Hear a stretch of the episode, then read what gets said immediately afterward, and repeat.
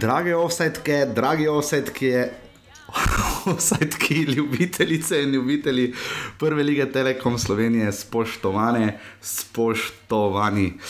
Prišel je ta veliki dan, napočil veliki trenutek. Lep pozdrav v 68. oddaji Offside, oddaji o naši in vaši prvi ligi Telekom Slovenije, volitvah za predsednika NZS, najboljših enajstericah letošnje jeseni in seveda sodnikih. Ampak preden se uh, vržemo na vrat na nos na najboljše in uh, najboljše uh, v tej sezoni, vmes je še dvignil na rekovaje.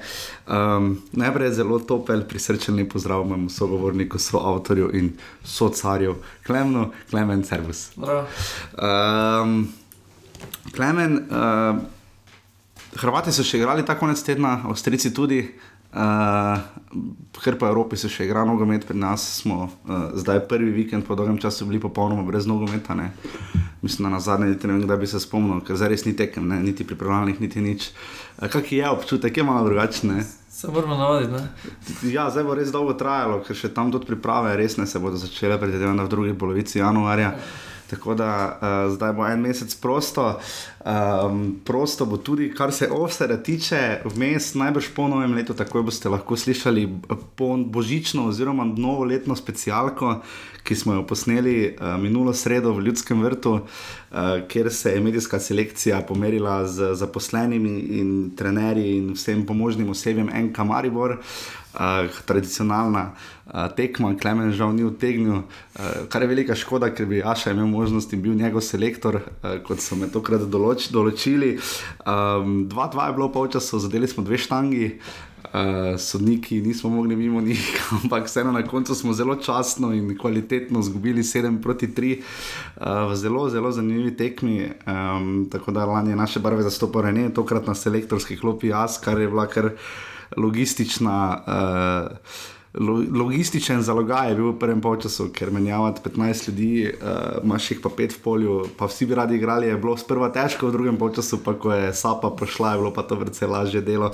Te bo zamenjali, zelo Tudi, čuj, ne vem, ne vem, bil sem pohvaljen za svoje energično vodenje, res pa da rezultat morda ni bil. ja, morda, morda ni bil uh, najboljši, ampak uh, vseeno, uh, hvala nogometnemu klubu Maribor za uh, še eno res sjajno gostoljubje. Uh, lovili smo se ta konec tedna z. Uh, Aljošo Vekičem iz Olimpije, ki se je trudil, da bi nam priskrbel Ranka Stojiča, pa smo pa je potem danes zelo zgodaj zjutraj javno, da je res prav vse, ampak da ga žal ne bomo uspeli dobiti. Uh, mi da pa smo se potem s Klemnom tudi odločili, da bomo danes uh, kot se spodobi za zadnjič v tej zasedbi in v tej obliki, uh, nastopila sama. Zato, če boste klemno pogrešali, danes boš ful več govoril. uh, tako da nekaj se vas je že javilo za zamenjavo, to bomo vse opravili. Jaz pred, predlagam po praznikih, ko bo veliko časa, vsaj 2. in 9. januarja, zagotovo novega offsajda, kot ga poznate, ne bo, bo pa kot rečeno, boste lahko slišali božično specialko, v kateri smo se o futbalu, novinarstvu in še čem razgovorili z Petrom Dominkom iz SN portala, Anžetom Bašlem in Simonom Šparovcem iz televizije Slovenija ter Jožetom Pepevnikom iz Vala 202 oziroma Sport kluba. Slednji je prvič gostoval v naši oddaji. Uh, tako da je bilo je pa zelo božično vzdušje, tako da vam to bolj priporočam, da uh, bomo oddajo dali gor, verjetno takoj po praznikih, uh, ker verjamem, da, mat, da bo zdaj nogomet padel na nekam na ne, bolj niže uh, plasti. Uh, kar se tiče pozornosti, na zadnje je tu ogromno drugih športov, ki v tem času skočijo naprej. Um, Ampak greva kar uh, pogledati, zdaj, ko smo malo prespali, premljeli, uh, ni še konec, se zdi, ne novic, še kar ni, bile so volitve za predsednika NZS, do tega še prideva. Uh, bila je še, ne, samo še trije klubi ostajajo z istim trenerjem, ne, prej so bili štirje. Uh, namreč brez trenerja, trenerska zamenjava se je zgodila v, uh, v porodarju, po se je zgodila, zdaj še zamenjava v, v Kidričevu. Kako si to razlagamo, kaj to pomeni za aluminij? Mislim, da je to tudi malo pričakovano, mogoče energije zmanjkalo, uh, špekonje, uh, da je kakšno zadje, pa kdo bo na mestu njega prišel, bomo videli. Uh, po nekem, možno pa tudi, da bodo zamenjali mladinskega in uh, članskega trenerja. To stagno. uh, to je Bojan Flis, ne, Uh -huh. uh, ki smo ga že videli. Ki je že bil trener. Um, Ja. Uh, tudi špehunje smo videli na mladinski klopi, tako da možno bo tudi, tudi, tudi tukaj zgor moja, z moja, moja špekulacija. To je špekulacija, da bo Bojan Flis. Pa bomo videli, kaj se bo zgodilo. Vse, v vsakem primeru, uh, Kidričani so kupovali nekaj, ne? uh, so poskušali nekako dopolniti igralsko zasedbo, uh, pa, pa nimajo niti tako slabih rezultatov. Ne? Se ne na zadnje, so štiri točke od. Od Krškega niso zadnji, trenutno so popolnoma legitimno deveto vrščeno moštvo prve lige. ne. Ampak še te ne, jim ne zagotavlja, da bodo ostali. Ne? Treba se zavedati, da spomladi, ne glede na to, kako dobro ali pa slaba bo, bodo definitivno igrali kot liga kvalifikacije z uh, naprimer Dobom. Ne? Pa, Če bo do, to želel, seveda. ali, ali pa katero drugo ekipo, vseeno bomo mogli si zagotoviti tisto v kvalifikacijah, če bo ostali deveta ekipa. Ne? Ja, absolutno. Uh, to bo zagotovo zelo pestra pomlad. Uh, Krško je podaljšalo za Tomažem Petrovičem pogodbo, uh, kar je tokrat so verjetno vsi skupaj malo preravnali. Spomnimo se poletja, ko je Petrovič za nekaj časa zapustil Krško. Um, kar je tudi neka dobra situacija. Se pa ogromno govori okrog Olimpije, trenutno dosti bolj kot recimo okrog Maribora. Uh, Leon Benko naj bi zapustil Olimpijo, Rok Kronaveter je priznal svoj del zgodbe, kako je videl navijača, da je dal Olimpiji vse. Um, kaj misliš, kaj bo z Olimpijo? Pa, um, mislim, da neke definitivne spremembe bojo. Uh, največ bo prihodov, pripravljali se bodo za naslednjo leto na Evropo in uh, definitivno bodo. Bo zanimivo pri od, odhodih in prihodih najbolj. No. Zdaj lani mislim, da če se spomnim prav, so Pušnika zamenjali pred novim letom. Ne?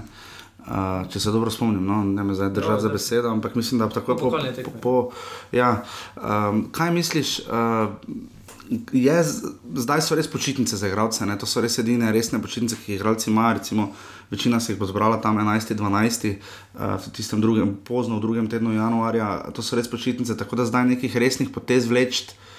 Morda nima smisla, res pa je, da smo lani videli nerodno situacijo pri Mariboru, ne? ko se je potem po prvem krogu s celjem je prišlo do zamenjave trenerja in sledila je zelo, zelo burna pomlad. Ne?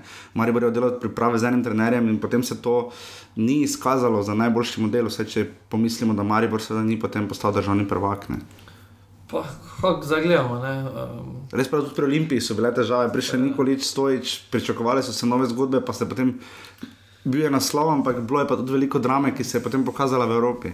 ja, na koncu se je ta odločitev zdaj dolgoročno uh, z Milaničem izgledala za dobro. ne. Uh -huh. Uh, mogoče kratkoročno, oziroma tisti trenutek je bil šok tako za navijače, ki so imeli uh, Krona Jurčiča, mogoče so ga vzljubili, zdaj je malo čudno izgledalo, pa na koncu pa Maribor vseeno vodi. Ne? Maribor vodi trenutno, je pa res, da če bodo kakšne ponudbe za igralce, če bi kdo odšel, bi trenutno, se mi zdi, Maribor, to pa ne bom rekel bolj bolelo, mogoče bi se bolj poznalo pri tej stabilnosti ekipe, ki so jo gradili eno leto. Ne.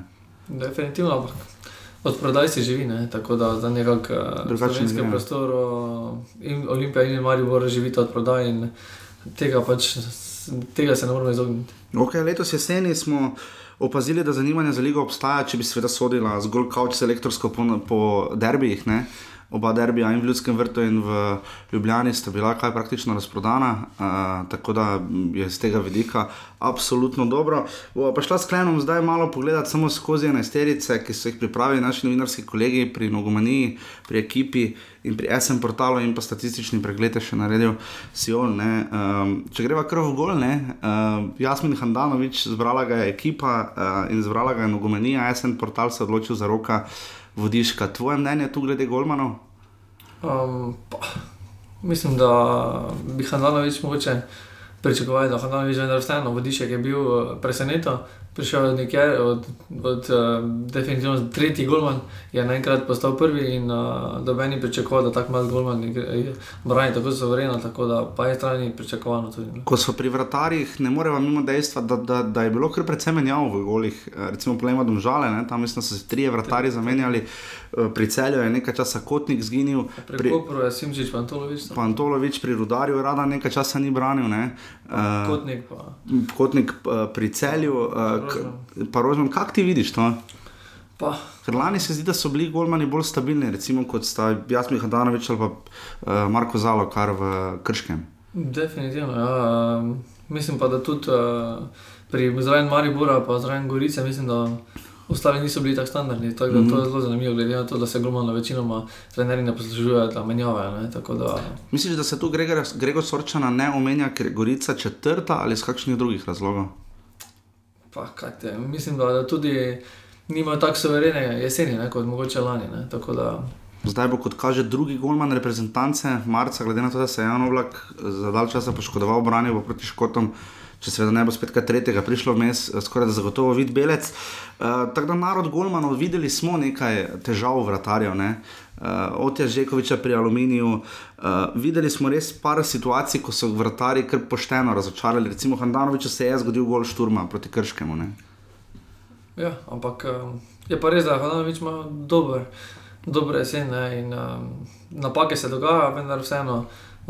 Ni prejel, več, koliko 600 minut, uh -huh. 650 minut, ni bil zadetka, tako da to vseeno dosežek je pomemben. In potem je tu situacija za levim bočnim. Ne? Če se da v reprezentanciji iščejo zelo posrečo katanec ne? uh, z bojem Jokičem in tako naprej, se je kar boj, vz, boj kar pošten boj vnev že na levem bočnem. Uh, mislim, da so vsi zbrali, um, moji trije, ki sem jih tu pogledal, ekipa, jaz sem prtal mnogo manj, so vsi zbrali ure tabalkovca.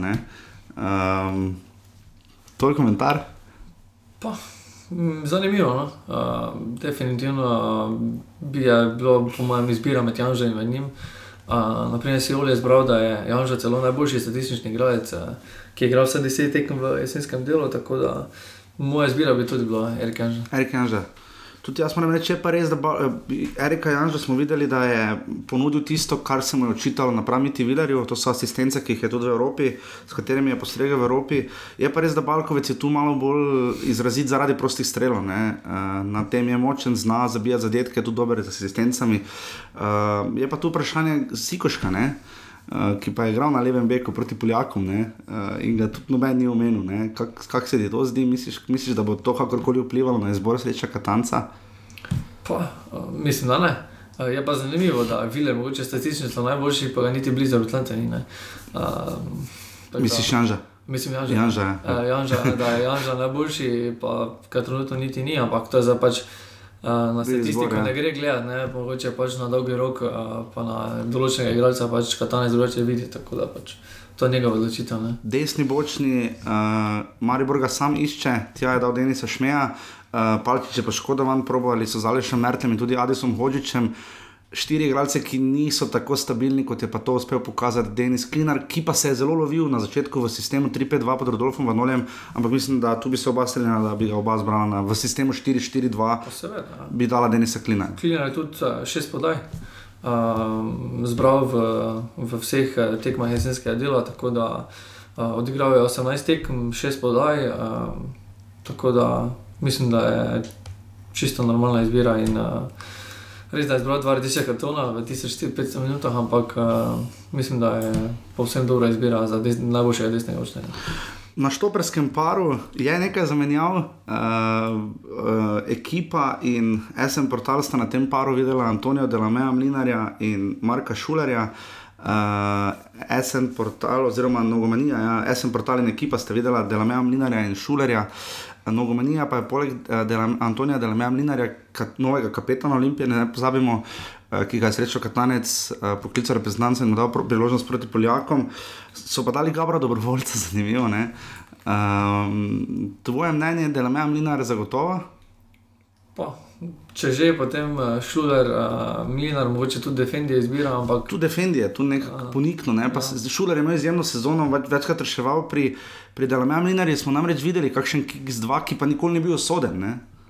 Ja, ampak uh, za dobrovoljce, uh, pa mogoče ne. No, dobrovoljce zdaj res. Uh, Vzgojen, tudi naš gost je bil uh, zelo potrpežljiv, uh, fant, s katerim uh, domžale veliko delajo in ki je bil član mladih reprezentanc, ne pozabimo. Ne? Uh, je pa zanimivo, da ga ni poklical srečo Katanec na svojo akcijo med osmimi iz domžalne. Ja. To pa je malo zanimivo. Ja, pa mislim, da bi šule bil vseeno mogoče boljša izbira. Ta 21 tekme je odigral 9, 3, 3 zadetki v 1700 minutah, tako da so tega še dve pokalni, bil zelo standardni. Zdaj, Lamea Mlinar. Če zdaj še šuler. Ja. Lamea Mlinar ima ne na zadnje je 25 let, ne, uh, star, ne, zgleda več, deluje več. Ne. Misliš, tem tu vprašam, misliš, da se je Marko Šuler prehitro reprezentančno upokojil? Ne. Ne. Mislim, V pravem času. Mislim, da treba tudi ustvariti nad priložnost. Um, Imel je on, um, tako kot vsi ostali v tej, v tej uh, drugi, uh, drugi tisti zlati generaciji, kateri so šli na svetovno prvenstvo, je večinoma že šlo, Mhm. uh, razen mogoče cesarja. ne, Um, tako da je prav, da so po nekem uspehu dali priložnost ostalim, vendar ja. Eh, Bila je tista neka hitra zamenjava, potem so z Ilič, Iličem začeli na Štoprskem in uh, zdaj komaj so se, se uveljavili sam Rčič, mogoče bi to, ta pre, prehod bil lažji, če bi se preživljali nekateri, ampak uh, glede njega pa je bila odločitev, mislim, da pravilna. No. Uh, sistem, ki so, ga, ki so ga vsi ubrali, bomo šla mi da tudi po njem. Seveda sem se prej izrazil napačno, 4-2, 4-3 so se vsi odločili, verjetno zaradi lažje izbire. ne vem. Je pa res, da glede na to, kako malo dobrih napadalcev imamo, potem te prisili v iskanju napada nekoga, ki ga morda v idealno enesterico, kdo ne bi dal. Če ostanemo pri sistemu 4-3-3, ki ga igra, recimo preferira Luka Elzner ne? in s katerim je na začetku sezone. Uh, s katerim je Krunoslav Jurčič poskušal tudi pri Mariboru. Um, v vezni liniji uh, je nekaj sprememb, tu si nismo enotni. Ne? Recimo, SN portal je dal vsem Marka Alvirja ne? in a, Aleksa Pihlerja, obdareta vršiča, ekipa se je odločila za četverec, ne?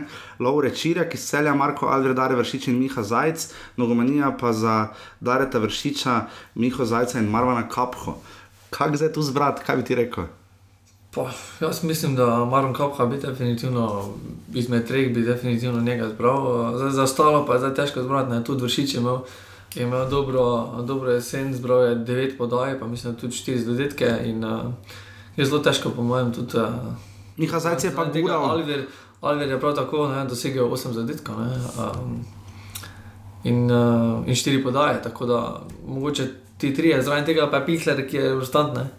Uh, Pa še tu je Miha Zajc, ki je na, v nekaterih tekmah sam v bistvu poskušal obuditi eh, efekte in možnosti lanske olimpije do tega, kar eh, je zmoglo, tako da tu bi bilo ne mogoče zbrati. Ne. Ja, glede na to, da so tri izbire, bi bilo bolj logično, da bi bile štiri v vezni liniji, glede na gnečo, ki jo imamo. Ne, moramo vedeti, da še Zajec je dosegel uh, sedem zadetkov v 19 krogih, še dve podaji, tako da je tukaj kar velika konkurenca. ne. V bistvu, če bi delal sistem, potem kaj so pokazali igralci, bi naredil sistem 4-5-1. Ker namreč, če pa preidemo direktno kar v napad, nam, da se navežemo, ne, uh, so nekako izbrali. Um, Pri ekipi so zbrali Dominika Glavina in Luko Zahoviča, pri SM portalu pa pod, enako kot pri Nogomanini, poleg Glavina in, Glavina in Zahoviča še Slobodana Vuka. ne. Uh, če bi moral zbrati enega od teh treh, koga bi zbral? Mislim, da Zahovič, eh, glede na minute, ki jih je odigral, je nekako eh, pričakovano, da bi mogoče njega izbrali. Um, definitivno pa Glavina in Vuk uh, sta imela dobro, uh, dobro jesen. Uh, Moram vedeti, da je Zahovič zabil 10 zadetkov na 824 minutah. Ne? Uh -huh. Uh, primerjavi z Glavino, ki je zabil isto 10 v 1700 minutah. Ne?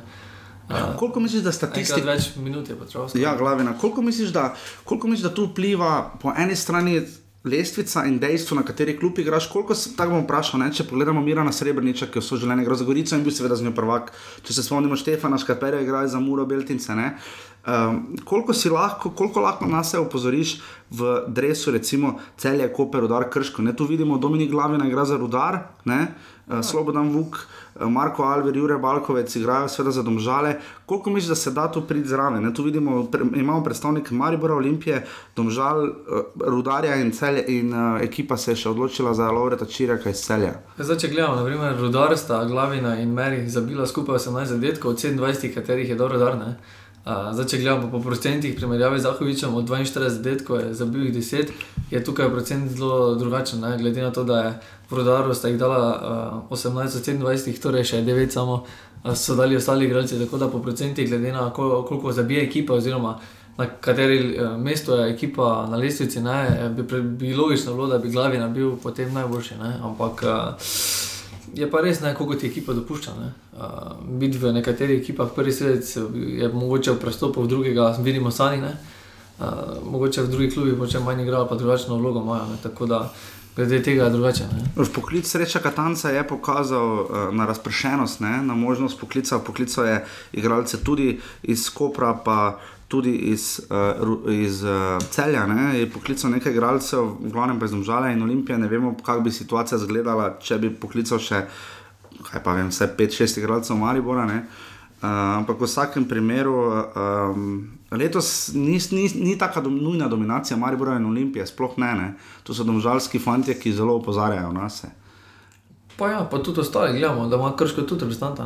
Uh -huh. uh, mislim, reprezentanta. Reprezentanta, ki se bo držal akcije iz, iz slovenskih klubov. Ne. Vseeno pa Kramer reče zraven. Uh, Sicer igralec Maribora, ne, ampak. ampak Trenutno se opozarja na se pri krškem. Že dve leti. Ne? In uh, ko zdaj je dovolj opozoril, tudi uh, za bi nekaj zdetko in uh, definitivno ostali klubi imajo tudi, uh, tudi vpliv, je pa drugače potem, ko je razširjen uh, poklic in iz tujine igralci prevladujejo. Za igralca jeseni smo se odločili in izbrali. ja, Dareta vršiča sem jaz v mislih. No? Definitivno, um, devet podaj. Tu je pač prednost pri igralcih Maribora, ker pač je Maribor trenutno prvi. No? Ja, devet podaj, štiri zdetki. Uh, Na 19 tekmah. Zelo se je spremenil od lanske sezone, kaj, kaj še le od predlanske. Ja, mogoče tudi zaradi pozicije, ne? katero igra, primerjavi z uh, prejšnjim. Ampak je začel na začetku sezone na desni strani, ne, na boku, ne, zelo na krilu. In, potem je prišel Romp, ki mu zelo ustreza in se je našel za Zahovičem in Tavaresem v tem nekem trojčku. Uh, koga smo dali za menjavo jeseni? Uh, menjava jeseni, po mojem mnenju, je Etienne Velikonja. Okay. Um, je tudi stopil devetkrat, uh, zabil štiri zdetke, mislim, mislim, da je normalno, da ono kako je tam nekoga vplival prihod Leona Benka, ki bo tudi šel. Ne? Zdaj, Benko seveda ni bil takšen atribut, kot je bil, uh, glede na to, da, da vse kaže, da bo tudi on zdržal le pol sezone. En prestopni rok v Ljubljani, kot zagotovo nima efekta uh, Bradoviča. Uh, Kako misliš, da je to vplivalo na, veliko, na odnos velikonja, pa nasplošno velikonja v napadu? Mislim, da na te odhode še moramo malo počakati. Uh, definitivno, če ne bo drugi zamenjal, bo igralci ostali. Um, Je pa res, da se je treba pač ostalim igralcem dati priložnost. Tu je Leke, naprimer, katerega uh, so plačali za njega veliko članilo in se morajo pač uh, to nekako pravici, oziroma nazaj dobiti, primerjavi z Benkotom, ki je bil zastanjen.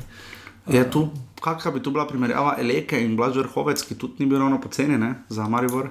Definitivno je to zanimivo, da igralci, kateri, um, za katere se plačujejo odškodnine, sedijo na klopi. um, tudi Sani in uh, Vrhovec so prišla paketo, katera dva. Uh, sta zbrala manj nastopov od pričakovanja. Um, Absolutno. In um, tu je definitivno um, ta, ta, ta, ta športni direktor se mora pač odločiti, kaj boš, kateri bo igrali. Definitivno pa trenerji so tisti, ki odločajo in uh, ne glede na to, kateri so plačali neko črnino, morajo mora pač trenerji čim boljše zbrati. Kaj kaže ta odnos? Ne? Mi nimamo angliškega sistema, ker je trener ja. hkrati še športni direktor, oziroma oni temu rečejo menedžer. Ne? Kakšen je tu pri nas ta specifičen odnos, se zdi, ne? da pri Mariboru, pa domžalah, ni nujno, da morajo tako igralci, ki so prišli, tako igrati, ne poglej, Batroviča, Matjašiča, ste potrebovali, da ste prišli v domžalah v enesterico, oziroma da ste začeli zbirati minute. Tudi videli smo prihodov, odhodov je veliko, tudi če novinci sedijo na klopi. Ne? Pri Olimpiji se zdi vseeno, da je bil ta pritisk na začetku sezone kar precejšen. Ne? Pa definitivno je. No. Definitivno je v klubi kot Maribor, pa Olimpijo, mogoče so večji pritiski, da žalah mogoče ni in zato je to drugače zgleda. Uh, tudi domžale so na sredini, uh, na sredini po zamenjavi Elžnera so zamenja, zamenjali ekipo in je bilo nekaj Matjašič in vsi ostali so prišli na novo. Uh, uh, definitivno pa pritisk je veliki, mogoče tudi vrhovec potrebuje kakšne priprave, glede na to, da se je kasneje pridružil, pa bo pošlo potem šlo drugače. Glede na to, na začetku je dobil priložnost. Uh -huh. uh, potem po, po nekem devetem krogu pa se je začelo tisti. Uh, tisti vstopi, oziroma je se pa ha, enostavno zasidro na mesto in ni več dobil priložnosti. Kaže pa nekaj, da tudi če prideš za pol sezone, ni tako lahko izstopati na naši ligi. Pustimo za Radoviča, če pogledamo te glavne enesterice. Dobro, Pihler je igral lani v Sloveniji, tako da dobro, je recimo novinec v moštvu Maribora, tudi Luka Zahovič, pogojno. Ne? Uh, tako da bi res rekli, da je nekdo prišel v ligo in ga praktično ni v tej idealni enesterici. Pa ja. Um... Je pa ta ena starica tudi uh, zelo različna. Ja, seveda. Kako kdo vidi. Ne? In uh, dejansko, naprimer, SM portal ni uh, dodal obhaja, ki bi. Dali so ga na klop, mislim. Ja. Da, ja. ki bi ga mnogi izbrali. Ne. Ko so priklopi za trenerja jeseni, je kar konkurenca. Ne? Približno sta tu, tu nekje Darko Milanič in Luka Elzner. Uh, Luka Elzner je uspel premagati West Ham še z domžalami, uh, naredil le- lepo evropsko sezono in na podlagi te prišel v, v Olimpijo, kjer, je- kjer je imel edino rezultat, vse drugo pa se je zdelo, da gre kar pošteno na robe, ampak je šlo hkrati vse tudi prav. Um, Darko Milanič pa ima tudi zelo zanimivo evropsko sezono, ne takšno, kot je, je bil vajen morda v preteklosti, ni šlo do konca. Um, po drugi strani je pa zdržal ta tim, tako da tu sta precej zanačena, ampak kaj bi ti rekel? Pa, um, mislim, da oba imata, oba imata svoje prednosti, prav tako pa slabosti, glede na to, da Ezner bo zdaj dobil ekipo, katero v primerjavi z državami ne bo mogel sam sestaviti. Ne? Uh -huh. Uh, Mogoče nekateri drugi sestavili, um, da bo odvisno od stojišča, kateri bo pripeljal, oziroma mu vzel nekatere igralce. Tako da uh, bomo videli, kako bo se Elžir v tem sistemu drugačen, kot je bil navaden do žala, uh, kako se bo znašel. Um, Naprej Milanič je glede tega že bolj izkušen. Kaj pa misliš, da je šibkost Milaniča? Uh, Mogoče pritisk letos, ker da pa dvakrat zapored Marijo ne bi bil prvak. Definitivno bila pa že pritisk, trda. glede na to, da um, zdaj sledi manj tekem, uh, definitivno pa to, da je več igralcev. ne. Uh -huh. Uh, igralcev ima Maribor definitivno zelo veliko, vidim samo, da Sani definitivno je dobil malo priložnosti in uh, igralci, kateri bi mogli napredovati, tudi Bohar, naprimer, na koncu konca skoraj nič. Uh, In definitivno ne more, ne more vključevati nekatere igralce, katere bi si Maribor to želel. Ne? In definitivno je po mojem tukaj pomakljivost, da igrajo uh, mogoče tisti starejši igralci, ki, ki mogoče tudi nekateri pravijo, da žirajo minute uh, uh, mlajši. Ne? Zdaj priprave letos so pokazale, boljše je imeti več tekem, celovito ekipo, prej sestavljeno, če primerjamo Marijo in Olimpijo. Ne, Olimpija je imela zelo malo tekem, spomni se, kak je bil prazen, ko si delal sezname, kako prazen je bil seznam Olimpije.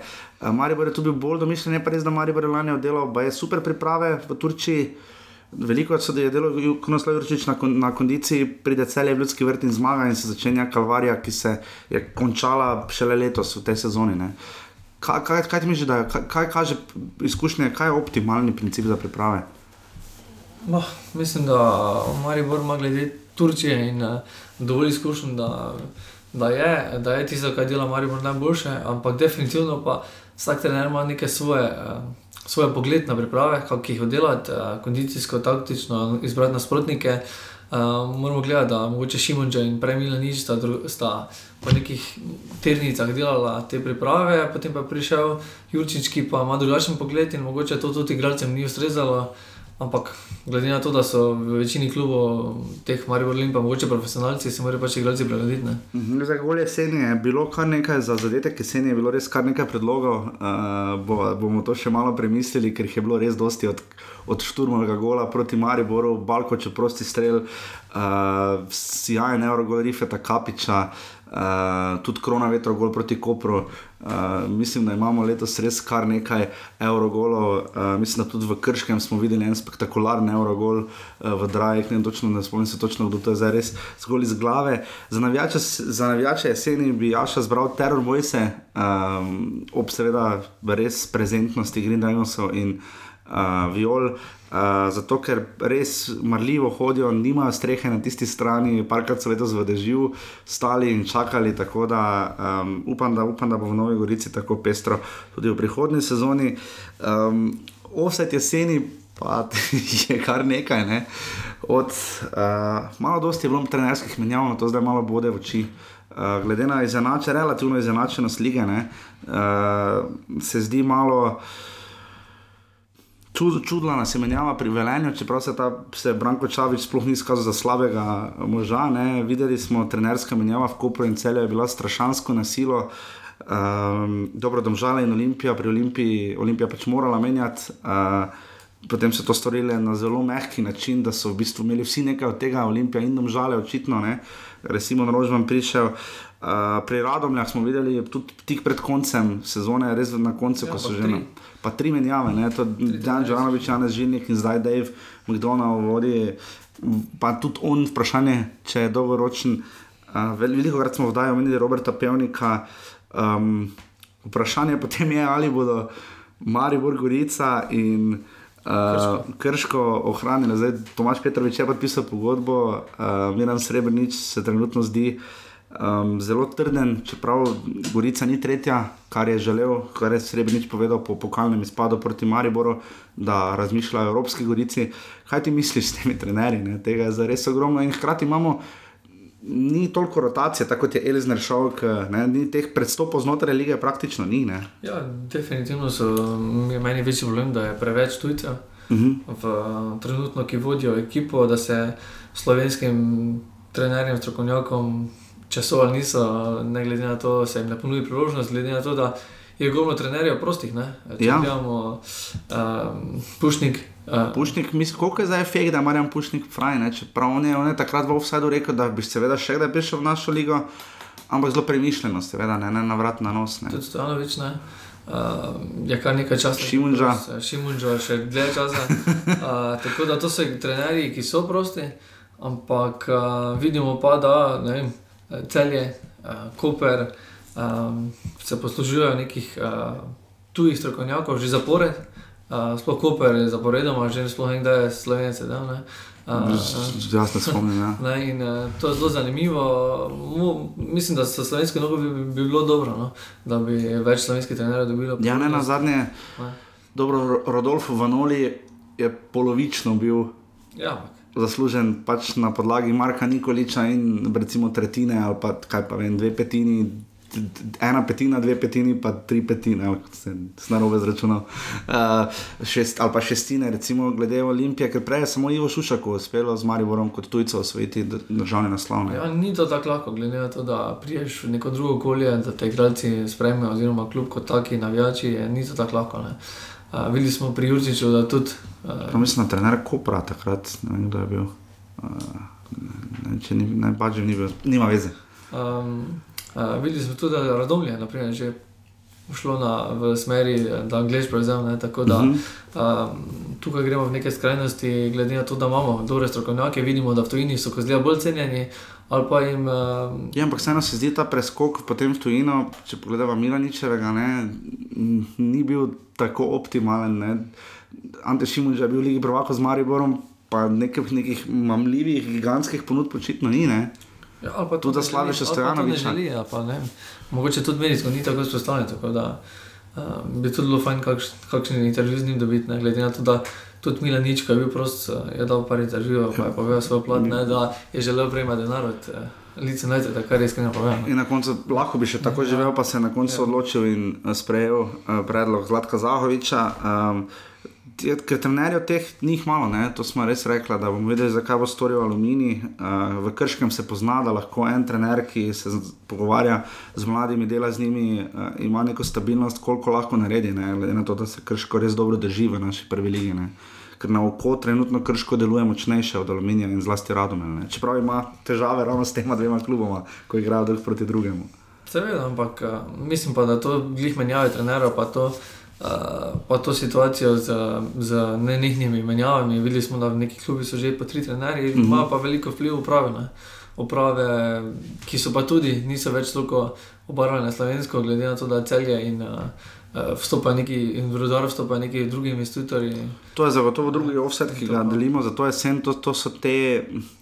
Okay, očitno se bo rešila vse delno situacija Kopra, kjer je Milan Mandarič, ni več največji upnik uh, Kopra.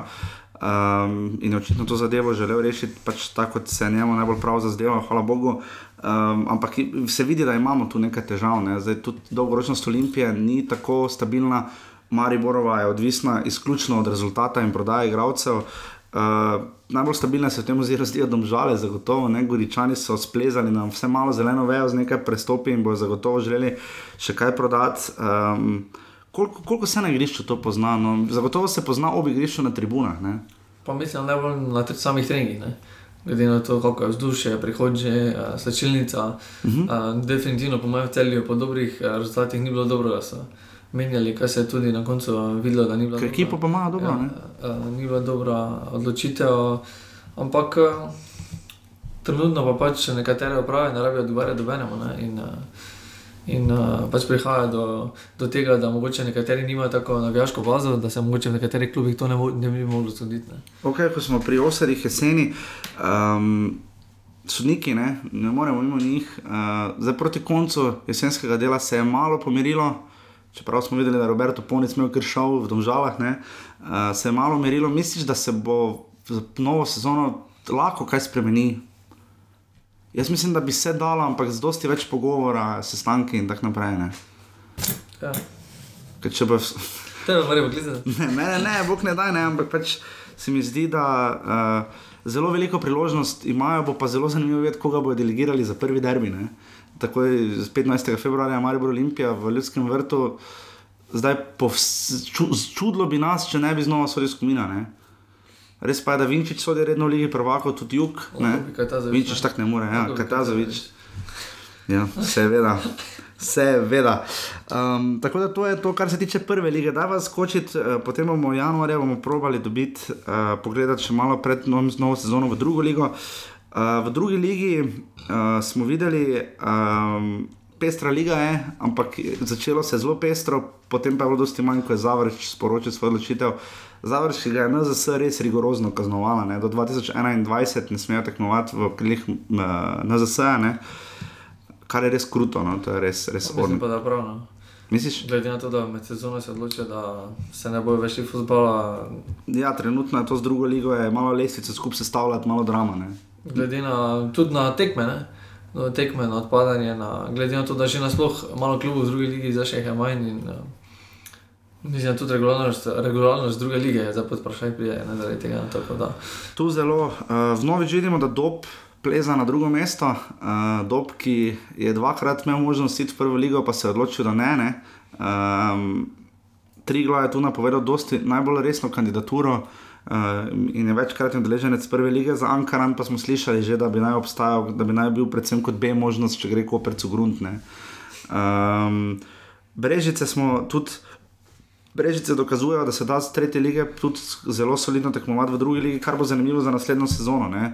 Radenko Mijat- Radenko Mijatovič je povedal, uh, med drugim tudi govoril, da se mu širša druga liga uh, zdi boljša zaradi mladih. Ne? Ampak kakšna je tu tvoja izkušnja? ne? Ta Mladi pa druga liga, ne? Zdaj, če so koliko toliko perspektivni in talentirani, vse prva ali pa tako je hop tujina. ne. Um, Ker tu imamo da- krko, dravo, ne? Pa mislim, da za drugo ligo uh, je premalo tekem. ne. Uh, 27 Ne, samo, ja. eh, oziroma letos še manj. Leto še manj, ne, in uh, moramo vedeti, da nekatere ekipe vidimo tudi, da Veržej je 13 tekem odigral. ne. Ja. 13 tekem v treh mestih je zelo malo. Ne. To je res In, malo, ja. uh, In glede tega je primerjava z prvo ligo, kateri smo videli, koliko 21 krogov, uh Mhm. -huh. uh, je to zelo velika razlika. Ne. In uh, zaradi tega bi, po mojem mnenju, mogla, če gremo po dvokrožnem sistemu, je boljše, da. Čeprav potem bo kaj 16 klubov, ne, bo Ja. 30 krogov, ne bo samo Ja. 3 več, ampak vsaj 3 vseeno, več, ne ne- nekaj. je. malo bolj zanimiva, tudi mogoče bo uh, in definitivno je boljše, bolj, boljše malo več kot pa 9-9. ne. Ok, drugo ligaši tudi niso nudili nekega resnejšega odpora, ne, v, kar se tiče pokala. Um, čeprav smo videli, Razen Krka je, prk, razen Krke, ki pa je prišla v polfinale. Ne? Misliš, da je to uspeh Krke, druge lige, kako si to razlagamo? Mogoče tudi malo sreče, uh, žreba in uh, definitivno pa si zaslužijo, ne, da tudi drugi ligaš ima uh, možnost polfinalov, ki pa kar nekaj časa nismo videli. Ne. V, kar se tiče tretje lige, je potem tako, da grejo štiri zmagovalci direkt, mislim, da ne. Ja. Ostali pa igrajo kvalifikacije za dve preostali mesti, ne. Tako je, štiri. pa dva izpadeta, ne. Štirje Iz- drugi, ja. Štirje drugi igrajo med sabo za dve mesti, ne. Tako je. Uh, pa dva izpadeta zadnje. iz. Dva ne? dva izpadeta Dva iz izpadeta, druge dva pa grejo, štiri grejo direktno, dva pa skozi kvalifikacije. Trenutno uh, omogočeno bo to Mariboru B, ki vodi. Uh, to bo zelo zanimivo, kaj bo Maribor naredil, ne? Uh, ker je vmes kazalo že, da bo razpustil B ekipo. Ne? Ja, ampak zdaj po teh odločitvah je pa logično, da bodo nadaljevali. Ne, da, uh, oni pa imajo res eh, definitivno mlado ekipo um, in njim bo definitivno uh, neka konkurenca, bojo večjo imeli, kot uh -huh. uh, zdaj vidimo, da v tretji ligi že tri leta niso imeli neke konkurence in uh, definitivno bo druga liga uh, zelo vel, velik izziv za njih. Mislim, da če na hitro pogledam v tretji ligi, uh, sever uh, so nekdani klubi, mislim, da Rogaška je vmes tečaj naredila, ampak recimo v Rogaški Slatini so gledali nekoč prvi ligaški nogomet, Steklarih je seveda zastopal. Tu sta Koro tam na četrtem mestu. Uh, 26 točk je trenutno ima Rogaška, Maribor ima nedosegljivih 38 brez poraza. Um, za drugo mesto bo kar boj, ne? zdaj Koro tam, tu je tudi Dravinja, uh, ker mislim, da Simon Sešljar, trener, uh, če sem prav videl ali, ali sem prav. Um, se misliš, da bo vnel ta boj, ne lani smo videli, kar Ornik boj, se je zdelo, da bo, ne, pa se recimo Brda presenetila z, proti odrancem, mislim, da ne, uh, v, za boj za drugo ligo. Ne. Um, tako da že tu je zelo konkurenca, uh, še večja konkurenca je v, na primorskem, kjer je zgolj 10 klubov, ne, v tretji ligi uh, Zahod. Um, tu vodi klub z imenom Čeri, bo 14 tabor, to je prav. Je prav, je tako že. Takrat tabor se žene, to? Ne vem. Predvidevam, da je. Ja. Um, postojni glih ne na dobro kaže. Postojni res slabo kaže, joj, joj, minus 62 in brez točke, ta je res kruta. Jadran dekani, ne, tudi nekdaj je najslabši, z najslabšo razliko in Adrija je tu tretja, to je mislim, da Piran. Uh, potem so bili že s 25 točkami, uh, vidimo, da se Izola zelo muči, tudi nekdani prvi ligaš. Um, Tu bo zelo pestro, potem če pogledamo uh, gospoda Ivana Simiča in njegovem klubu, oziroma eden od predstavnikov uh, v klubu Ilirija. Ilirija je že lani, igrala dodatne kvalifikacije, pa ni šlo. Um, mislim, da je Ilirija Brežice, bilo, če se dobro spomnim, so bile dodatne kvalifikacije. Um, drugi je Bravo, ne?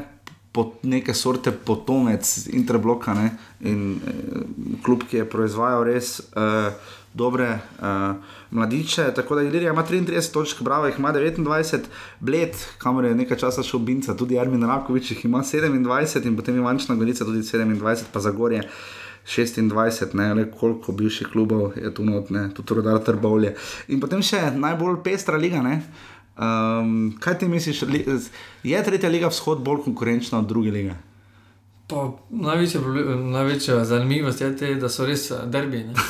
ja, vsako kolo, ja. Vsako kolo so derbi, moramo vedeti, da so tu tri prvi gaški. Uh mhm. -huh. Bivši Mure, Bezdinci, Nafta, ki se vsi trije uh, res uh, borijo, uh, tudi med seboj in vsemi ostalimi za, za uh, napredovanje, ki pa je zdaj dosti lažje primerjavi z prejšnjimi leti. Ne, uh -huh. In uh, so zaradi tega tudi dosti bolj uh, okrepili ekipe primerjavi z lansko sezono. In, uh, Definitivno so derbi tudi na stadionih, zelo, zelo stadioni so tudi zelo obiskani in definitivno je medijsko tudi najbolj v ta vzhod, te telije vzhod najbolj zanimiv. Trenutno vodi nafta, uh, Gorgone se lahko veselijo 35 točk, uh, Beltinci so drugi s 33, le točko ima, ima Mura z 32, Muri ja, naj bi bila zdaj večja stabilnost in pa potem odranci že zastajajo krepkih 8 točk za uh, nafto. Ne. Glede na to, da vidimo, da še bo enako tekmo v, v slovenskem delu, še ni še odločeno. Ne, tu je res na, na polovici. Na treh točkah so tri ekipe in uh, še bo zelo zanimivo to.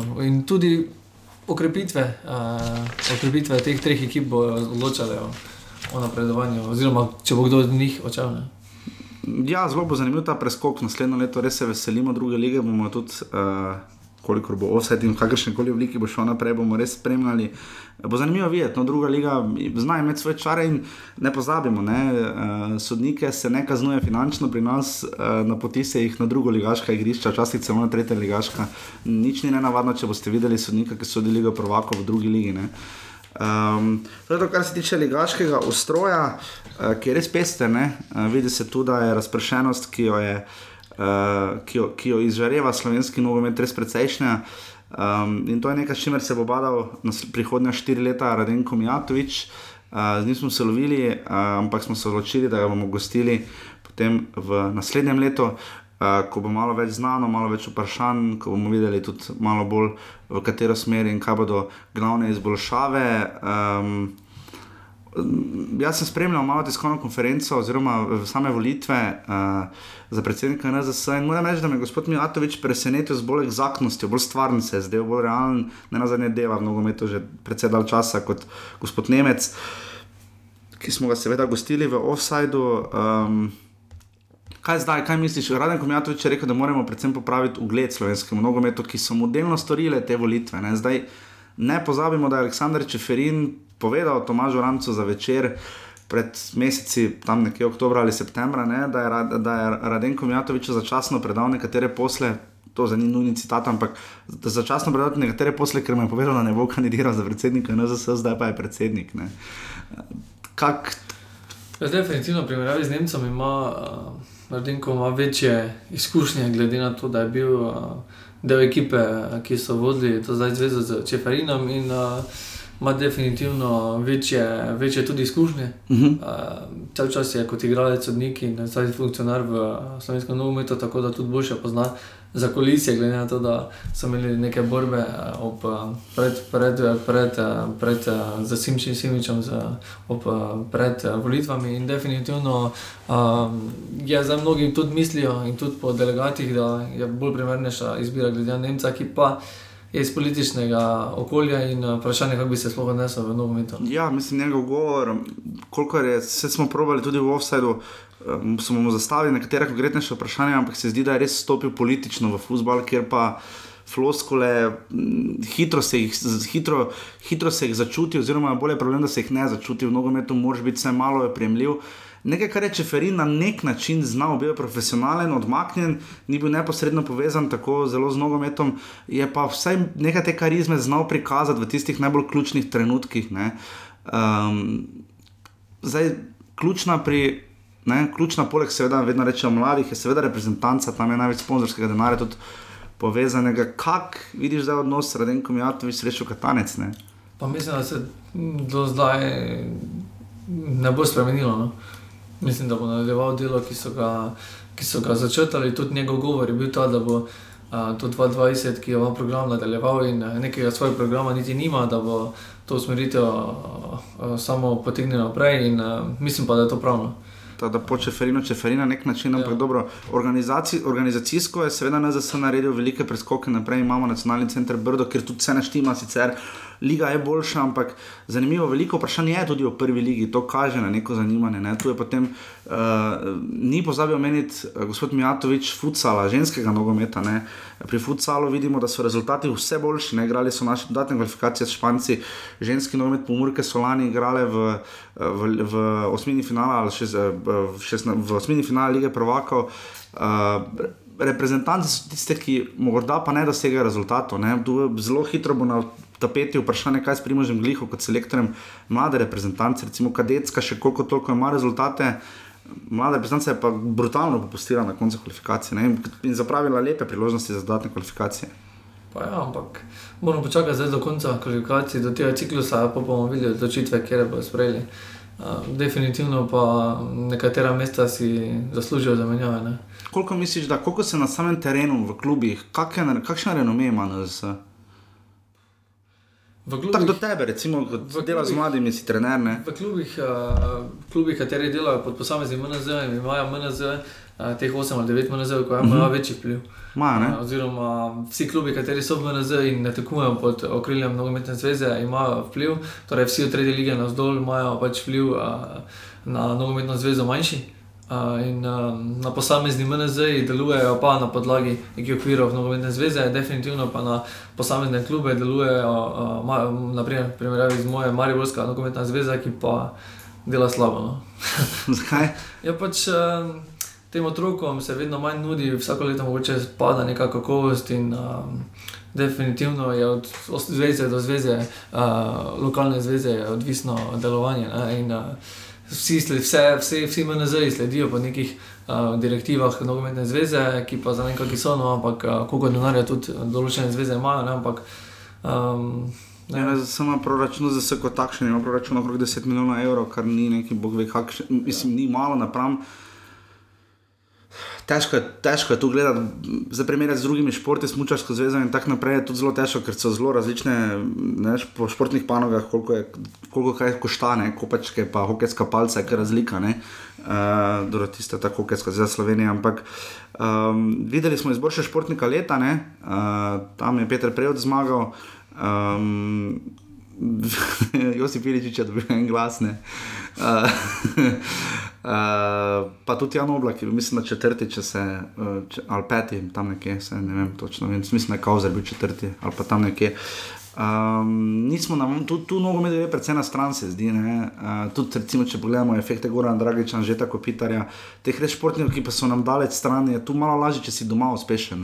Tako se meni zdi. Kakšen, kakšen renome ima nogomet, kaj, kaj misliš tu iz te prizme? Ne? Nacionalne identitete. Ne? Pa ja, mi smo zelo tako razpršeni pri športu, ne? nimamo nekega paradnega uh -huh. a, športa. In, a, navijaško smo, ne? ampak funkcionarji pa vsak gleda na svoje. Ne? Tudi hokejisti rečejo, mi imeli čim več dvoran. Ja, zdaj, uh, iz te prizme ne, bo Mijatoviča čaka zelo velik zalogaj pri pripravljanju renomeja. Lahko vidi, trenutno recimo na Atletski zvezi Slovenije so imeli uh, volitve za predsednika zelo burne. Uh, vidimo, kaj se tedni dogaja za Smučarsko zvezo Slovenije v primeru Tine Maze. Uh, Uh, vidimo tudi ravnanja, dom napredka skuša na vsak način zaščititi, ne da bi dajal izjave. Kakšen, kak se ti tu zdi, kje je tu nogomet, recimo v primerjavi z. Ne, recimo, efekt maze je vseeno, ko zdaj pogledamo, je bil primer Kampel še dobro speljan v primerjavi s tem stinom maze. Tam vseeno noben ni pred kamerami, jokov, ne več. Ne. Pa, Um, seveda je pa Maze definitivno svetovni fenomen. Uh, to je zdaj v nekih drugih okvirih, uh, tako je rekel njeno vetnih poročali so vsi. Uh, tako da za slovenski neki nogomet, primerjavi z Tino Maze, je težko primerjati. Uh, Ima pa nogomet velik vpliv. Uh, se, te, se, se težko identificirajo mladi z Janom Oblakom, pa Kevinom Kamplom, pa Josipom Miličičem, ker so pač daleč stran. Ne? Pa mislim, da ne, imajo vsi neke vzornike in uh, je vedno več teh slovenskih. Uh, Uh, tudi jaz, če gledam pri mojih golmanih, se vsi vedno več pogovarjajo o tem. Res? Da, uh, ja, imajo, imajo uh, neke svoje idole in uh, vedno več otrok se pisuje na nogomet, uh, ne glede, nima pa to nek. To je moje mnenje, ni pa neka nogometna zveza uh, določenega vpliva na to, da bi uh, poraz bil v pisovanju, uh, naprimer v nogomet, ne glede na to. Naprimer, Ker porast je ogromen, ne? mislim, da že 25 ali 30 tisoč otrok igra nogomet in počasi črpa uh, zelo se druge zveze, košarkarska, odbojkarska. Ja. Borijo, pa rokometno borijo za ta isti bazen. Ne, Definitivno, naprimer, je imelo včasih vpliv, da je slovenska betanta se osvila na svetovno prvenstvo. Uh, ali pa da je Maribor se, uh, Maribor smo videli, da je bil porast zaradi tega, ker se je Maribor uh, kvalificiral. To se neposredno pozna. Uh, tako je jesen, starši pridejo, gremo. Če avgusta, ko se je Maribor osvojil Ligo prvakov, je septembra bil normalni pis. Zdaj pa, zdaj pa naprimer, že od tega. Od tega, ko Maribor v Ligi prvakov bil nekaj časa, je nekako suša, tudi srčno, tako tudi uh, klubsko pa je vsako leto večji fizne. Da, uh, ni te korelacije med rezultatom. Ja, ja, med rezultatom in to. Tako da tudi zveza ni toliko naredila, po mojem mnenju. Ne? Ampak enostavno je medijsko nogomet, uh, ko zdaj je postal uh, dosti bolj pokrit in uh, se ga tudi starši in uh, otroki reče izberejo nogomet kot druge športe. Ne? To je moje, moje mnenje. Kaj pa smo tu, recimo, ti tečaj? Ta del je dobro organiziran, trenerski tečaj in tako naprej, izkušnje, seminari. Um, Kdaj se začuti, po tvojem mnenju, kdaj se začuti, da je nekdo res talent, koliko so to otroci stari? Kdaj misliš, da je ta točka, ko se treba z nekom počasi pa začeti obadati? Ja, če vprašaš, eh, nogometne klube se začne pri U7. Ne? ne? Eh, zdaj, če me vprašaš eh, pri teh letih, težko, težko zbrati nekoga, če je talent ali ne. ne? Definitivno je bolje, da se otrok v nekem normalnem okolju, lokalnem. Eh, nekako vzgaja, tudi osebnostno. Um, saj, če gledamo tudi eh, iz generacijskih vidikov, koliko se jih je iz ene generacije uspelo, gledalcev, mnogo metašov prodati nekam. Ne? Tako da, koliko je tistih možnosti, da ravno tisti neki talent, da pa bo, je zelo malo, ne? je enako kot da bi trofeo loterija. Tako da. Jaz mislim, da talenti so, definitivno so, pa da mi je bolje, da se športom kot takim ukvarjam, ne pa pri nekih mlajših, v 7, v 9, 10, 11, da, da se ukvarjajo nekako profesionalno, ker je zelo malo možnosti. Če pa so, tako kot vidimo pri nekaterih, da prihajajo v tujino, tako kot Luka Krajc, naprimer, z 18 leti, mm -hmm. to mhm. pa definitivno je prav. Ne? Zdaj pri nekih mlajših letih, pa nekih talentov, seveda so, uh, so pa tudi za neke druge športe. Tako da pri U7 ne vem, če je za nek šport, pa pri, ne zraste dovolj, ali pa ne se razvije drugače, pa je mogoče čez tri leta bolj talentiran za nek drug šport. Ne, Zamisel sem nekaj let na razen, koliko tu opaziš, da recimo. Mi smo včasih cele dneve bincali fuzbal, na igrišču, na, šol, na šoli, po šoli, pred šolo, med šolo. Ne. Koliko je danes tega? Danes res vse mora biti organizirano, trener, pišalka, goli, ono tretje. Koliko pač, kak imaš to občutek? Ne pridejo otroci se, se učijo igrati res prve futbale, ali dejansko kaj še tako bincajo v prostem cajtu. Tu je vplival tudi razvoj eh, tehnologije. Uh mhm. -huh. Zelo se otroci, otroci so se včasih na igrišču družili kot tako, ne? druženje kot samo druženje, trajni so še bincani in so preživeli res eh, vsako popoldne na dvoriščih, zdaj se ta generacija uh, zamenjala in uh, se drugače družijo preko računalnikov. Uh, so pa so pa tudi otroci, ki se radi družijo zunaj, ki so še na dvoriščih, um, definitivno pa je to odvisno od mesta, oziroma kje pač nekdo živi. Ne, um, je, pa, je pa zanimivo, da potem radi potem obiskujejo šport, ne glede na to, da je tehnologija tisto, da jih potegnejo starši. Se mi zdi, da mogoče tudi jih vrstijo zaradi tega, da jih dve uri potegnejo stran od računalnika. Ne. Kaj se učijo? Je vse pozitivni efekt računalnika ta, da gledajo neke trike na YouTubu, verjetno zihar je tega malo morje, kako narediti to in to. Seveda, to tudi je pozitivno. In zaradi tega dobijo tudi uh, neko večjo navdušenje, motivacijo nad nekim športom. Ne? Uh, ob, ob pogledih uh, trikov ne? in uh, raznih golih, in uh, jim postane zanimivo. Ne? Kaj si si najbolj zapomnil v letošnjem letu v Osajdu? Jaz se hitro spomnim, fejs na pobrežju. Tega se zelo spomnim. Fiske. ja, uh, definitivno. Ja uh, vročine, odpiranje okna. Ja, tisto je res bilo pestro. Um, nič, mislim, da smo prispeli do konca uh, 68. oddaje, vse do naše in vaše prve lige Telekom Slovenije za vsa vprašanja, predloge, pripombe. Uh, audicijske uh, prijave smo dosegljivi na Facebooku ali pa na offsetafnourbani.com. Um, mislim, da se lahko v imenu vseh um, um, predvsem pa Nraža Kirma, zahvalim v imenu uh, celotne, vseh poslušalcev, najbolj pa v svojem vlastnem imenu, pač Klemen, hvala za vse. Um, jaz verjamem, da bomo še tako rekli. Um, absolutno. Um, kot rečeno, sledi božična specialka, takoj po novem letu, ali pa med, bomo videli, kako bomo to zrihtali, ker pač malo je pa božična specialka, da prije 5. januarja. Ne.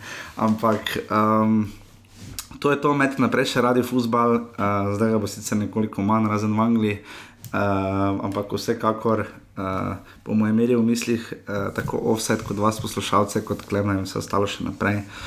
Tako da um, to je to. Ne, boš se danes povedal, ne veš.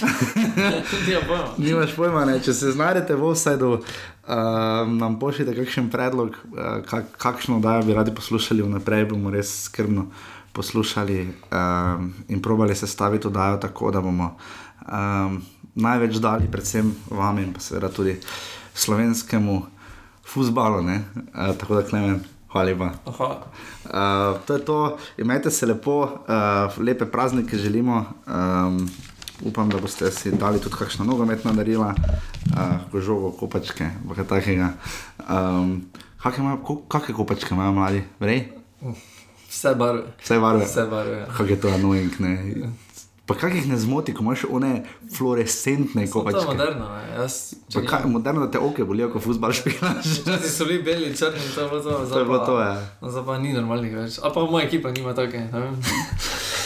To je to, če se znajdete v offsajdu, imejte čim bolj pestro barvo kopačk in uh, hvala Klemnu in se slišimo ob naslednji priložnosti. Hvala, adijo. Adijo.